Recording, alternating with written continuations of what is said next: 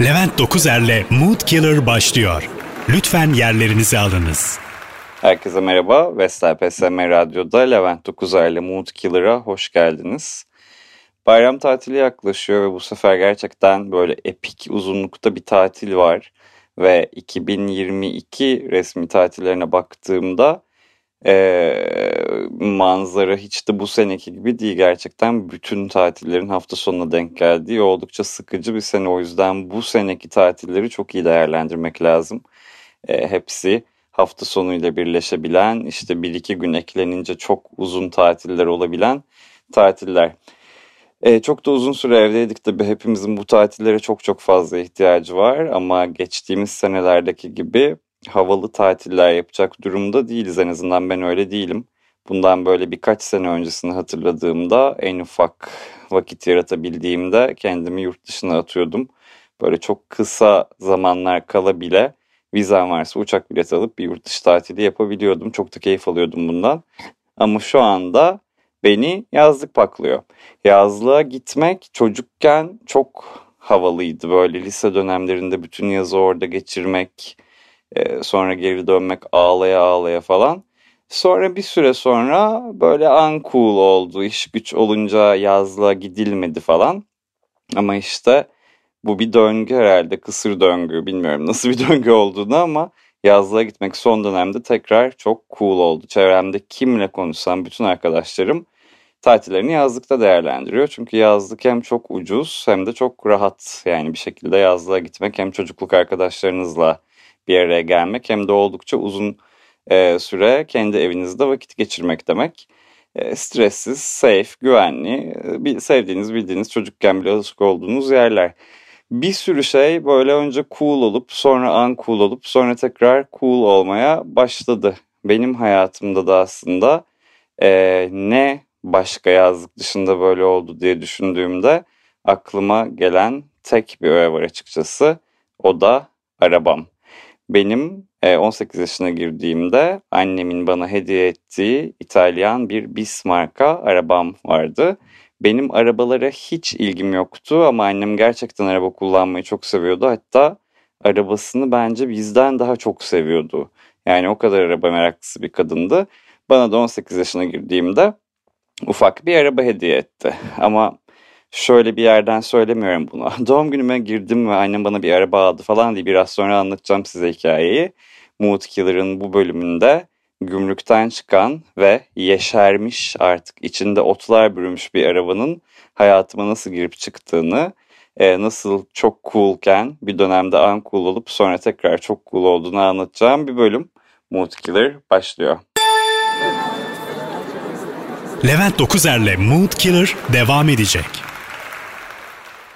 Vesel PSM Radyo'da Levent Dokuzer'le Mutkilere tekrar hoş geldiniz. Bu bölümde annemin araba sevdası yüzünden küçük yaşta araba sahibi olan bendenizin bu durumla nasıl e, başa çıktığını anlatmaya çalışacağım.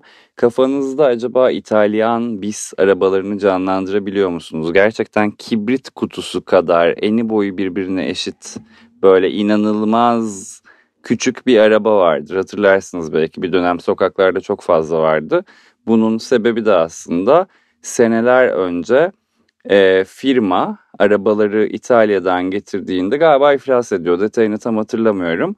E, 20 sene falan araçlar gümrükte kalıyor ve çürüyorlar ama öyle böyle bir çürümek değil yani. Arabanın içinde her yerde otlar bürümüş işte kaportalarını inekler yemiş falan hurdaya çıkmış arabalar böyle motorunu açıyorsunuz çiçek bahçesi falan gibi ve bir şekilde e, o dönem Show TV miydi hatırlamıyorum bir kanalda böyle bunun ilanı çıktı ortaya. Gümrükte kalan arabalar açık arttırmayla satılacak diye.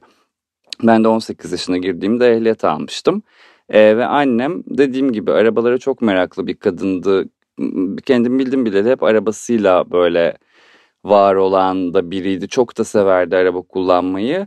Ve hatta demin de söylediğim gibi bir konuşma esnasında hayatta en sevdiğim varlık arabalar demişti. Arabam demişti ve biz böyle ablamla yanında duruyorduk falan okey falan. iyi arabanla gez o zaman yani.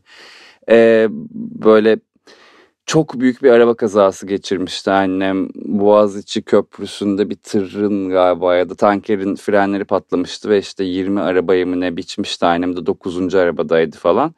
Ee, böyle arabası perte çıkmıştı. Hemen sonra tekrar böyle vitrinden bir araba almıştı. Arabasız hiç yaşamayı sevmeyen biriydi.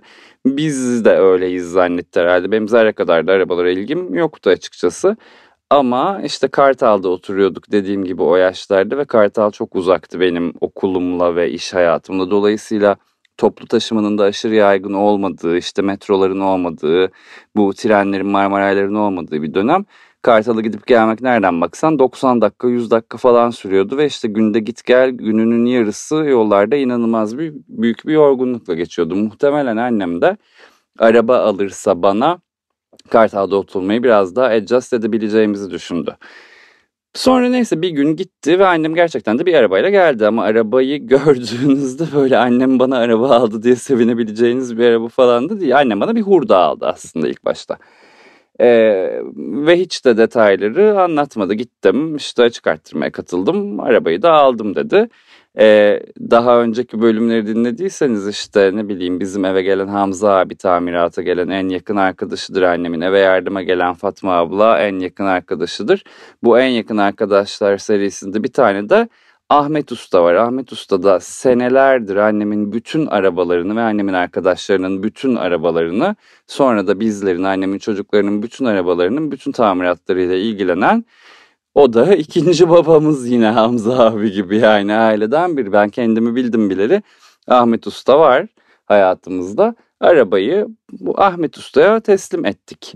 Sonra akşam haberleri izlemeye başladık. Haberlerde bu daha önce e, BIS'le ilgili yapılacak açık arttırma haberinin devamı vardı. Böyle annem de böyle bir, bir şeyler olmuş o gün belli ama bize de çok fazla anlatmıyor. İşte Reha Muhtar mı sunuyordu? Kim sunuyordu haberleri hatırlamıyorum şu anda. İşte açık arttırma da büyük kavga falan gibi böyle işte o Show TV haber flash flash şeyleriyle çıktı ve açılış sahnesinde annemi gördük. Böyle bir açık arttırma sahnesi düşünün gerçekten de.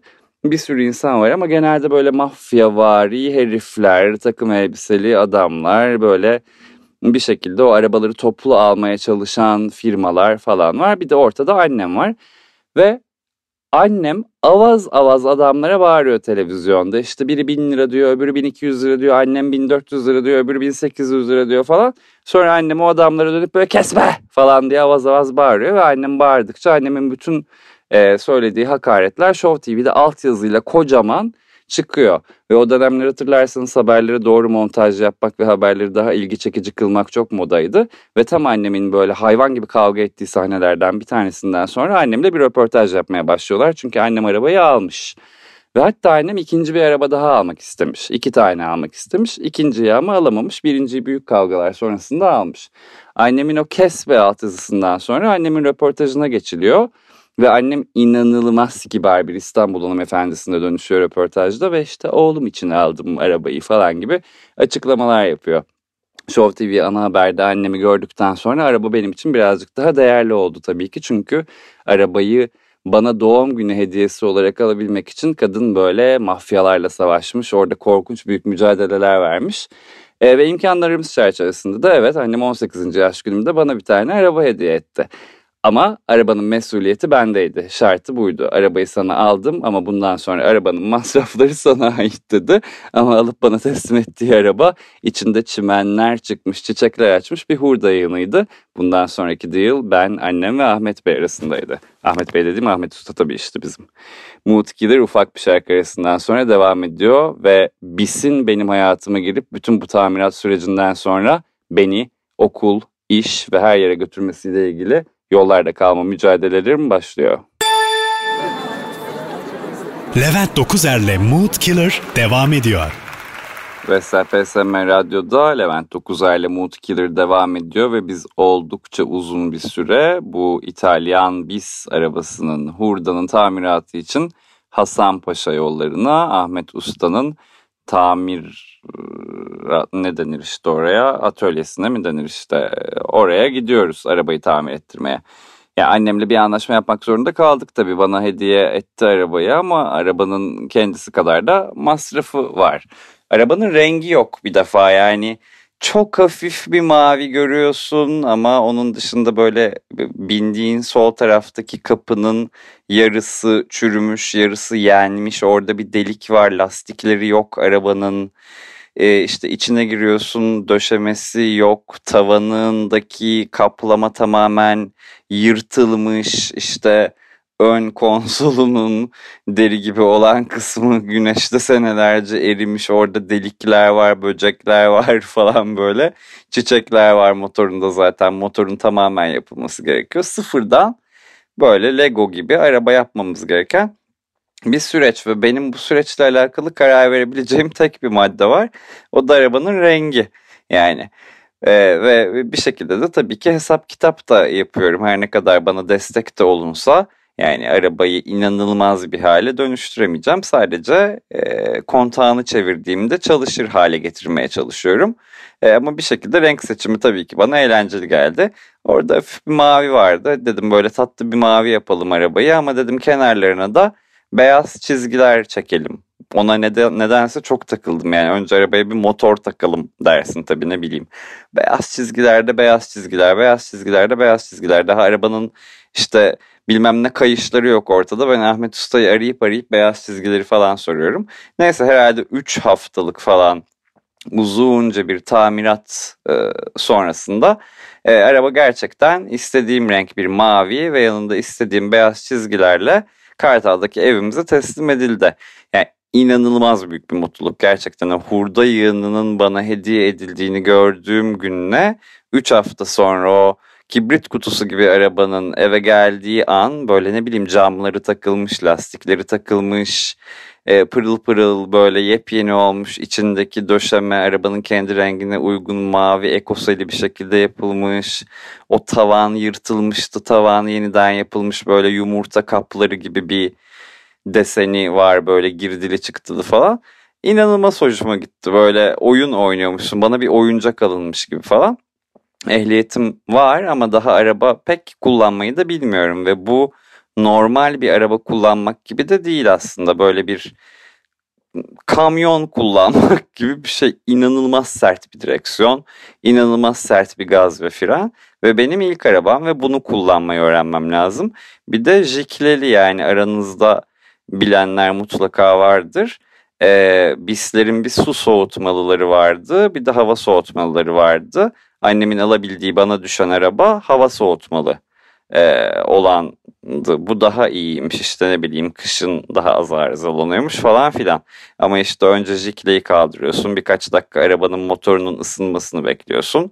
Ondan sonra yola çıkıyorsun ve ben ilk birkaç gün bu arada annem direksiyon öğretmenliği de yapıyordu ve bana araba kullanmayı öğretmeye çalışıyor fakat azar kıyamet yani zor ya hiçbir araba kullanmamışım ve kullanmaya çalıştığım araba birazcık enteresan bir araba. Annem beni dövecek neredeyse arabayı kullanamıyorum falan diye. Neyse işte mahallede birazcık turladıktan sonra ben bir gün arabayı aldım. Hadi dedim mahallede birazcık çalışayım ve Kartal'dan yola çıktım. Çift havuzlarda oturan Simge ve Bora isimli arkadaşlarımın yanına kadar korka korka yavaş yavaş sağdan sağdan gittim. Gidiş o gidiş. Yani bizim ailede biraz öyledir.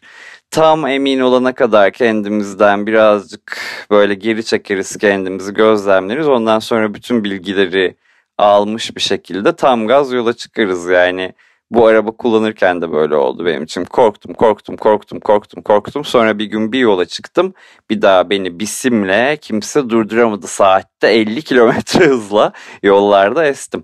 Bu arada şaka maka o minicik araba saatte 90-100 kilometre hızlara çıkabiliyordu. Ve trafikte bana inanılmaz büyük bir avantaj sağlıyordu. Çünkü çok küçük yollardan geçebiliyordum. Çok küçük aralardan geçebiliyordum. Ve oldukça da iyi araba kullanıyordum. Bisle sahil yolunda insanları çıldırmış, çıldırtmıştım. Hatta yarış yapmışlığım bile vardır. Trafikte ben kazanmıştım. Dolayısıyla oldukça hızlı bir şekilde her yere bakkala dahil bisle gider oldum. Ama tabii ki de arabamız hurdadan dönüştürülmüş bir araba olduğu için oldukça sık arızalanıyordu. Yokuşlarda durup kalkmak çok zor oluyordu. bana her gün farklı bir stres yaşatıyordu. Arızalandıkça yeni bir parça takılıyordu. Arızalandıkça yeni bir parça takılıyordu ve finansal olarak beni aslında oldukça da zorlayan bir durumdu bu. Tek avantajı vardı. Hiç benzin yakmıyordu. Yani 7,5 liraya yarım depo benzin falan dolduruyordum ve 8 gün falan onunla e, gidebiliyordum yavaş yavaş kendimi açtım. İşte Boğaziçi Köprüsü'nden geçip okula falan da gitmeye başladım. Hatta hiç unutmam ben Bilgi Üniversitesi'nde okuyordum. O zaman Dolapdere kampüsü vardı ve belki o arkadaş bu programı dinliyordur. Dolapdere kampüsünün otoparkında bu devasa büyüklükte tekerlekli e, bu yarışlarda falan gördüğünüz modifiye arabalardan vardı. Çocuğun bir tanesi bir arabayı böyle e, işte ne bileyim 5 metre falan neredeyse büyüklüğünde modifiye etmişti o dev tekerleklerle. Ve her gün e, Bilgi Üniversitesi'nin otoparkında o arabanın yanında benim yaklaşık 1.20 boyundaki ve 70 santim genişliğindeki arabamı park ediyorduk. Aşırı komik bir manzara oluyordu. Ben yavaş yavaş BIS'i çok içselleştirdim ve tabii ki yollarda altımda inanılmaz iyi bir araba varmış gibi ekletmeye başladım ve işte camı açıp insanlarla kavga etmeye başladım. Görmüyor musun koca arabayı falan diye bağırmaya başladım. E, pek de kaza yapmadım. Sadece bir kere motosiklet çarpmıştı bana ve motosikletten çok benim arabam hasar görmüştü maalesef.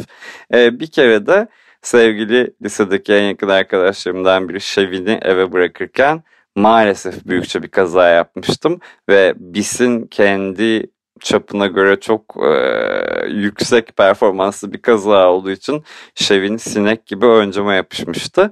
Bu arada araba yenilendi ama böyle çürümeye de devam ediyor. Hiç durmadan böyle bir tarafını yaptırıyorsun öbür tarafı çürüyor. Arabada delikler açılmaya başlandı ve bu bir müddet sonra da beni rahatsız etmeye başladı. Bana çok cool gelen 3 sene 4 sene boyunca gerçekten hayatımı inanılmaz kolaylaştıran araba tekrar çürümeye başladığında ve sık sık beni yollarda bırakmaya başladığında o coolluğunu yitirmeye başladı ve BIS'le benim aramdaki güzel ilişki yavaş yavaş bozuldu. Levent Dokuzer'le Mood Killer devam ediyor. Vesel PSM Radyo'da Levent Dokuzer'le Mood Killer devam ediyor. BIS'in üzerindeki delikler de açıkçası büyümeye devam ediyordu. Günlerden bir gün ben evden çıktım ve benzinimin bitmeye başladığını fark ettim. O dönemde de böyle bizim evin orada sahil yolunda yeni açılan işte Opet benzin istasyonu vardı. Orada da böyle kampanyalar vardı. Neyse oraya girdim ve böyle 20 TL'lik bir benzin aldım ve 20 TL'lik benzin benim bis için böyle neredeyse depoyu fullleyin demek falan gibi havalı bir şeydi. Ben de aynen öyle söyledim zaten böyle 20 TL'yi uzatıp e, havalı bir şekilde e, benzin siparişimi verdim. Tabii o BİS'le nereye girerseniz girin bütün benzin istasyonu çalışanları inanılmaz sevimli bir bebeğiniz varmış ya da işte köpeğiniz varmış falan gibi gelip sağını solunu kurcalayıp işte yok kaç yakıyor, kaç basıyor, kaça aldın, satar mısın falan gibi e, şeyler söylüyorlar. Bu arada gerçekten yollarda beni durdurup arabanızı satar mısınız falan diyen insanlar var. Ben de böyle bunu bir yatırım gibi görmeye de başladım. Neyse. E, dedim ya kampanya vardı ve bir şekilde yüklü miktarda benzin alanlara benim gibi 20 TL'lik benzin alanlara oto yıkama kuponu verdiler bedava veriyorlarmış. Bana da verdiler. Yani ya arabayı çok sevimli gördüğü için ya da böyle arabayla bütünleşmiş kuş boklarını falan gördükleri için ve acıdıkları için mi verdiler bilmiyorum. Ama 20 TL'lik benzin almamın karşılığında bana verilen bu bedava oto yıkama özellikle de arabanın halini görürseniz ki iç dıştı bu arada e, inanılmaz büyük e, bir hediyeydi benim için. Hemen heyecanla sıraya girdim. Benden önce de böyle birkaç tane araba vardı. İşte böyle köpük foş foş giriyorlar, sular tazikli, sular fışkırıyor, köpükler fışkırıyor işte falan orada bir vakit geçiriliyor. E, aşırı eğlenceli e, gözüküyor dışarıdan ve üstelik hani bildiğiniz gibi arabanın içinde oturuyorsunuz, içeriden izliyorsunuz onu. E, Luna Park'a gelmiş gibi bekliyorum ben de. Neyse sıra bana geldi, tüm camlar kapalı.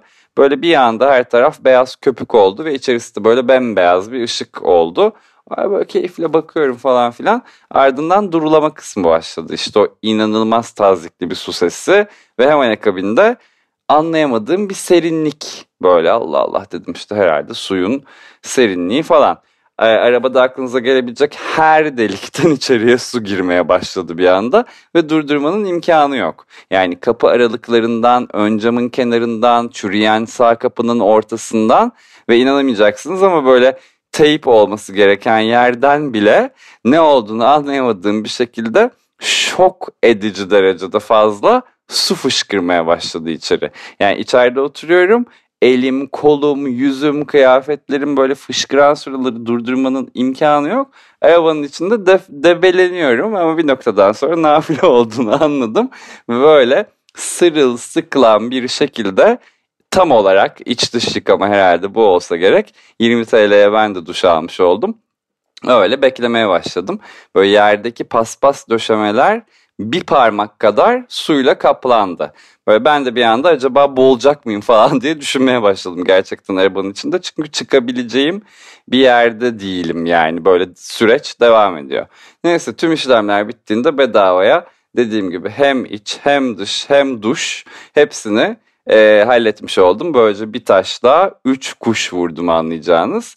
Böyle kaşlarımdan yüzüme süzülen sular eşliğinde hiçbir şey olmamışçasına araba yıkama görevlilerine elimi kaldırarak bir de böyle pişkin pişkin gülümseyip selam verip teşekkür edip sırılsıklam bir şekilde benzin istasyonunu terk ettim.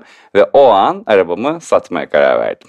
Bundan sonraki süreçte biraz önce bana arabamı kaça satacağımı soran insanlara verebileceğim cevapla alakalı planlar yapmaya başladım. Çünkü belki de bu BIS'i birazcık elden geçirirsem aldığım ve yaptığım masraftan çok daha iyi bir fiyata satabilirim diye düşünmeye başladım. Eğer bir bisiniz varsa unutmayın bisinizi mutlaka eski sistem bahçe hortumuyla yıkamanız gerekiyor. Levent Dokuzer'le Mood Killer devam ediyor. PSM Radyo'da Levent Okuzay ile Mood Killer devam ediyor ve ben de yavaş yavaş artık İtalyan BIS arabamı neredeyse bir iPhone 6 fiyatına satmamak için neler yapabilirim diye düşünmeye başlıyorum. Şimdi sağda solda soran çok ama tabii insanlar aşağı yukarı ne fiyatlar vermesi gerektiklerini biliyorlar. Ama teklif ettikleri fiyatlar da benim aslında bugüne kadar yaptığım masrafları kurtarmıyor. Ee, ve bu kararı vermek de biraz üzücü yani çok anı var Obis'le alakalı. Obis'in içinde 5 kişi doluşup festivallere gittik, okullara gittik, tatillere gittik. İşte onunla ne bileyim Şile'ye gittim, İstanbul içinde bir yerlere gittim. Öyle ya da böyle. Herhalde 6 sene falan toplamda kullandım ve bir noktada benim artık bu arabayı trafikten düşürmem ve satılığa çıkartmam gerekiyor. Tam o dönemlerde de TV8'de Pimp My Ride'ın Türk versiyonu başlıyor. Şimdi Uğur Ersöz'ün ve Gülçin Elven Buzdağ'ın son sunduğu bir programdı bu. Ee, böyle eski ve yıpranmış bir aracı alıyorlar ve 13 hafta boyunca adım adım modifiye ediyorlar. Ee, bir taraftan da aklım hayalimi almıyor. Yani 13 hafta dediğin şey 3,5 ay bir taraftan. Şimdi iPhone tamiri falan yapılırken e, tamirat sürecinde size kullanmanız için yeni bir iPhone veriliyor ama 13 hafta boyunca bu modifikasyon sırasında bana yeni bir araba verilir mi falan acaba diye düşünüyorum. Ama şaka bir yana bir taraftan da e, arabamı modifiye ettirmek için programa başvurdum. Yani bütün fotoğraflarını çektim. istenilen bütün formları doldurdum. Ve ben olsam programın yapımcısı gerçekten benim arabamı alırım. Çünkü yine hurdalaşmaya başlamış. Sağ solu çürümüş, delikler açılmış. Küçücük garip bir araba var ve o arabayı inanılmaz bir hale dönüştürebilirsen bence bir televizyon programı içinde oldukça keçi bir malzeme çıkartmış olursun. Satmadan önce başvurularımı yaptım. Birkaç haftada ciddi ciddi bekledim. Yani arabamı bir pezevenk arabasına dönüştürmek üzere çılgın hayaller yapıyorum. Hatta neler yapabileceğini falan da yazmaya başladım. Bu arada program başladı ve muhtemelen benim arabam seçilmedi. Çünkü birkaç hafta boyunca seçilmiş arabaları gözlemledim. Ve programında wording'i o kadar garip ki yani sadece arabalarımızı modifiye edip karı kız atmak için kullanacakmışız gibi bir söylem var. Ve benim e, minik kibrit kutusu gibi bisimle açıkçası bu karı kız atma olayını yapabileceğim pek e, şansım yok. Arabanın içinde alan da yok zaten yani. O yüzden de programla ilişkimi yavaş yavaş e, kesmeye başladım ama bir taraftan da neler olabilir diye düşünüyorum. Herhangi biri zaten bana sol kapıdan yaklaşırsa sol kapının ne kadar çürük olduğunu gördüğü anda kaçarak uzaklaşmaya başlayacak. Şimdi normalde arabalara baktığımda bagaj kısmına çok büyük böyle işte ses sistemleri yok e, PlayStation'lar falan yerleştirip içeriye konsollar yerleştiriyorlar. Benim bisin zaten bir tarafında motor var başka da bir bagajı falan yok. Çünkü ben hatırlıyorum spora falan giderken çantamı yedek lastiğin durduğu ön kaputa sıkıştırmaya çalışıyordum. Yani oluru yok arabanın ama yine de bence e, en iyi opsiyonlardan bir tanesiydi. Bu arabayı modifiye ederken yapabilecekleri en büyük şey bence içinde oturan benim kel olan kafama birkaç tane led takıp e, yanıp söndürtebilirlerdi. Belki en fazla o şekilde ilgi çekebilirdim. Dolayısıyla Pimp My Ride hayallerimde suya düştü ve biz artık eş dost vasıtasıyla ve yolda bizi durdurup arabanın satılık mı diyen insanlara satılık dediğimiz bir noktaya geldik. Gerçekten bu e, bir yüzleşme anıydı benim için. Bu arabayla bir vedalaşma anıydı cool olan bir şeyin tekrar uncool olduğu bir dönemdi benim için. Şimdiki aklım olsa zaten bunu yapmazdım ama günün birinde arabama gerçekten bir alıcı çıktı. Moodkiller'ın yavaş yavaş sonuna geliyoruz. Şimdi ufak bir şarkı arası. Levent Dokuzer'le Mood Killer devam ediyor. Vesel PSM Radyo'da Levent Dokuzer'le Mood Killer'ı dinliyorsunuz. Oldukça hüzünlü biten bir hikaye bu. Senelerce bana yoldaşlık yapan arabamı sattım. Sonrasında da ben yurt dışına çıktım. E, Türkiye'ye tekrar geri döndüğümde zaten artık Kartal'da oturmuyordum ve uzunca bir sürede arabaya ihtiyacımın olmadığını düşündüm. Arabayı satın alan kişi annemin Kartal'da oturduğu evin yani benim de gençliğimde Kartal'da oturduğu evin çok yakınında oturuyordu. Ve seneler geçtikçe de e, adam arabayı inanılmaz güzel bir hale getirdi. Yani Annem hiç durmadan adamla karşılaşıp arabanın fotoğraflarını çekip bana yollayarak üzerimde korkunç bir psikolojik baskı kuruyor ve keşke satmasaydın deyip duruyordu arabayı. Benim de tabii seneler sonra yavaş yavaş ekonomik durumumun da düzelmesiyle e, o araba bende olsaydı acaba ben neler yapardım diye düşünmeye başladım. Şu anda Cihangir'de oturuyorum. Burada korkunç bir otopark sorunu var. Bir araba almak da istiyorum ya da bir arabam olsun istiyorum. İşte bu istek zaman zaman motosiklete dönüşüyor. Ama şu anda o İtalyan bis araba benim olsaydı gerçekten evden işe giderken Cihangir Gayrettepe arasındaki yolculuk benim için çok kolay bir hale dönerdi. Otopark problemim olmazdı. Keşke o arabayı satmasaydım ama işte dönem dönem insanın hayatında fikirleri değişiyor. Cool olan bir şey uncool oluyor sonra tekrar cool olabiliyor. Ve bence ben şu anda 37 yaşında bu anki halimle o bis arabayı hala kullanıyor olsaydım belki o Pimp My Ride'daki gibi insanlar ne bileyim benim arabamda çok daha fazla ilgilenebilirlerdi şu anda. Ee, dikkat çekici bir şey. O eski arabaların modifiye edilmiş halleri ya da iyi hale dönüştürülmüş halleri şu anda bana inanılmaz cazip geliyor. Bu aynı tekrar benim yazlığımın benim için çok cool bir hale dönüşmesi gibi. Dolayısıyla elimizdeki bir şeyleri alıp satarken duygu değişim durumlarına çok dikkat etmek lazım diye düşünüyorum. Bilmiyorum yarın öbür gün belki bir Nokia 3210 telefon tekrar hepimizin hayatına girer ve bu akıllı telefonları bırakırız. Nokia tekrar cool bir şeye dönüşür. Birazcık da böyle bakmak lazım diye düşünüyorum. Annem bir kez daha bana o çocuğun e, araba içerisindeki fotoğrafını atarsa gerçekten Kartal'a gidip bu sefer ben onun peşine düşüp bu arabayı satmayı düşünüyor musunuz diye baskı yapmaya başlayacağım. Oldukça antrenmanlı olduğum bir konu. Gerçi üzerinden seneler geçti ama yollarda insanların beni durdurup arabamı satın almak için benle yaptığı konuşmaları da çok net hatırlıyorum. Kim bilir belki yakın zamanda tekrar bir İtalyan bir sürerim. Yavaş yavaş bayram tatili yaklaşıyor bayram döneminde Vestel PSM Radyo'da programların tekrarlarını dinliyor olacaksınız. Çünkü bizler de ufak bir tatil molası vereceğiz. Yeni bölümlerde bayram tatilinden sonra çok fresh bir şekilde modunuzu düşürmeye devam edeceğim. Şimdilik benden bu kadar. Herkese iyi haftalar. Pazartesi sendromunuz hayırlı olsun. Levent Dokuzer'le Mood Killer sona erdi.